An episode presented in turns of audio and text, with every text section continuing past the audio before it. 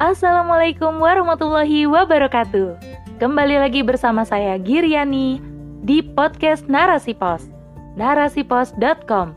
Cerdas dalam literasi media, bijak menangkap peristiwa kunci. Rubrik motivasi.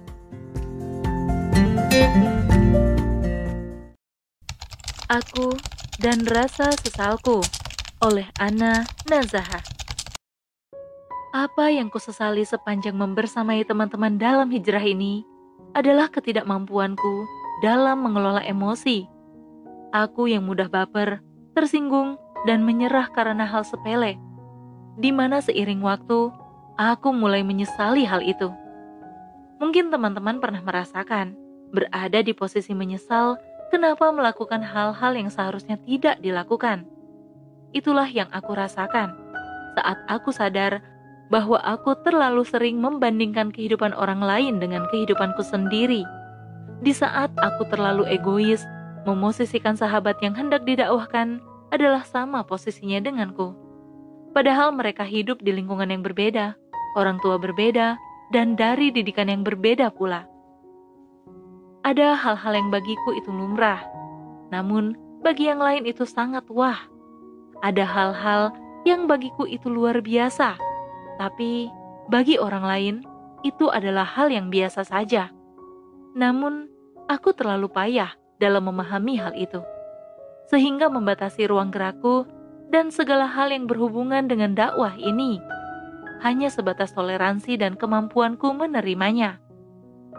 Padahal di tengah hantaman budaya hedonis sekulerisme yang begitu masifnya, bagaimana mungkin dakwah bisa diterima begitu saja tanpa ada tantangannya? Di mana tantangan di sini bukan lagi berupa penolakan dakwah, namun lebih dari itu.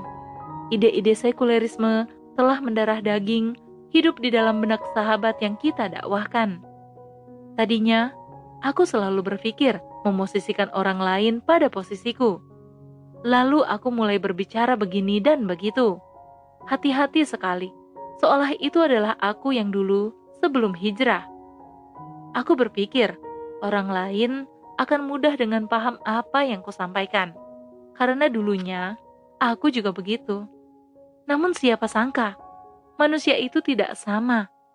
Apa-apa yang kita anggap istimewa, belum tentu istimewa di hadapan pemikiran orang lainnya. Target hidup dan standar kebahagiaan masing-masing orang itu berbeda. Tentunya aku tidak sedang membandingkan mereka yang telah berhijrah dan belum berhijrah. Yang kumaksud adalah mereka yang belum berhijrah saja. Meski standar kebahagiaan yang dikejar adalah sama-sama materi, namun berbeda dari segi tingkatan, cara, serta standar kepuasan dan kebahagiaan yang hendak dicapai. Ada orang yang sangat berpuas diri saat mendapatkan nilai terbaik. Ada pula mereka yang tidak terganggu saat nilai dan prestasinya anjlok. Ada orang yang merasa berhasil saat ia mampu menjadi pribadi yang beradab dan berbudaya. Ada juga yang merasa adab, budaya, dan agama bukanlah standar tinggi rendahnya ilmu. Karenanya, kita dapati ragam manusia yang warna-warni. Ada anak TK, namun halus budi pekertinya. Ada pula profesor yang minim moral, menyerang agama, dan menistakan agama yang dijunjung tinggi oleh mayoritas masyarakat bangsa ini. Ada. Intinya, manusia itu berbeda. Kita dibangun oleh lingkungan dan pendidikan yang berbeda, yang memengaruhi sudut pandang dan cara berpikir kita. Jadi, kita tak bisa selamanya melakukan pendekatan yang sama dan memosisikan diri kita sama dengan orang lainnya. Kita wajib mencari dan belajar uslub serta pendekatan yang berbeda. Berangkat dari sudut pikir bahwa kita tidak sama, sehingga dakwah tidak melulu tentang kita, namun juga demi kebaikan bersama. Karena agama ini memang Allah turunkan untuk seluruh manusia yang hidup di semestanya. Awalnya aku kaget dengan sifat dan karakter manusia yang berbeda. Aku yang belum terbiasa menganggap hal itu di luar batas toleransiku. Sebut saja mereka yang biasanya kurang adab di majelis ilmu, kurang peka terhadap masalah keumatan, hingga mereka yang berkata-kata kasar dan kotor seperti dan lain-lain. Siapa yang tidak melongo dengan bahasa dan jenis adab seperti itu? Namun siapa sangka, di zaman ini, kata-kata seperti itu dan karakter yang kurang adab bukanlah hal yang baru. Mereka pacaran, mereka berpakaian setengah telanjang, mengelukan kaum homo, dan bersorak untuk idola yang kafir itu. Bahkan, di antaranya ada yang terlibat zina, melakukan seks bebas, dan aborsi. Pusing pastinya melihat realitas ini. Namun, inilah potret generasi masa kini, di mana kita tinggal di sana. Namun, aku terlambat dalam memahami hal itu. Aku melepaskan genggaman sahabat yang kupikir tak akan mampu berjalan beriringan denganku. Mereka terlalu berbeda, perilaku mereka tidak bisa dimaafkan biar aku hidup dengan sahabat sefrekuensi saja, berteman, bernasihat dengan yang mau menerima saja. Yang lain, biarkan mereka dengan dunianya. Inilah yang aku sesali, karena aku kurang memahami bahwa dakwah adalah mengajak orang kembali ke jalan yang baik, bukan hanya menasehati yang telah baik. Apa gunanya dakwah di lingkungan yang baik jika kerusakan dan kebobrokan mendominasi? Tujuan dakwah itu untuk menegakkan Islam kafah dan itu tidak akan tegak jika dakwah Islam hanya berputar di sekitar golongan tertentu saja. Ya, seharusnya golongan yang baik itulah yang menegakkan amar ma'ruf nahi mungkar, bukan malah betah dakwah sesamanya, lalu menganggap di luar sana tidak pantas dan membiarkan mereka terus berkubang dalam keburukan yang tiada ujungnya.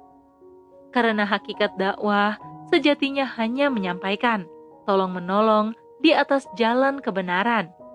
Di atas diri kita ada hak saudara, sebagaimana di atas pribadi mukmin lainnya, yakni hak untuk saling mengingatkan. Sebagaimana firman Allah dalam surah At-Taubah ayat 71.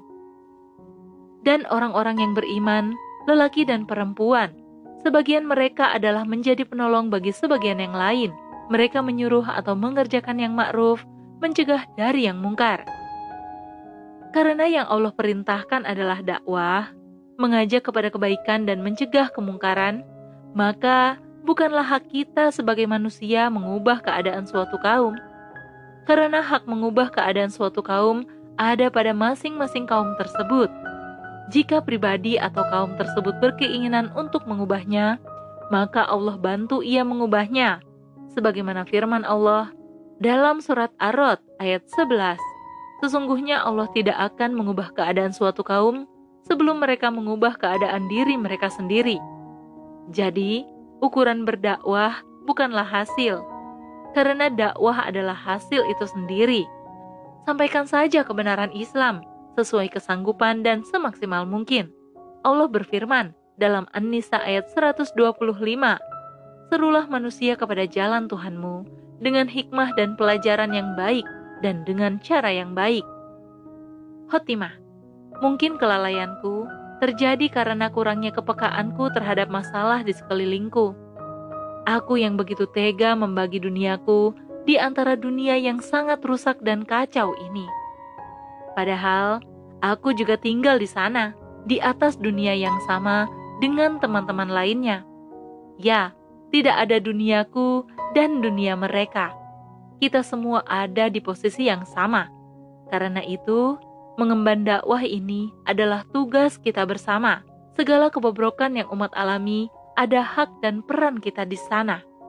Di mana semua itu akan dimintai pertanggungjawaban oleh Allah Azza wa Jalla. Wallahu a'lam bisawab.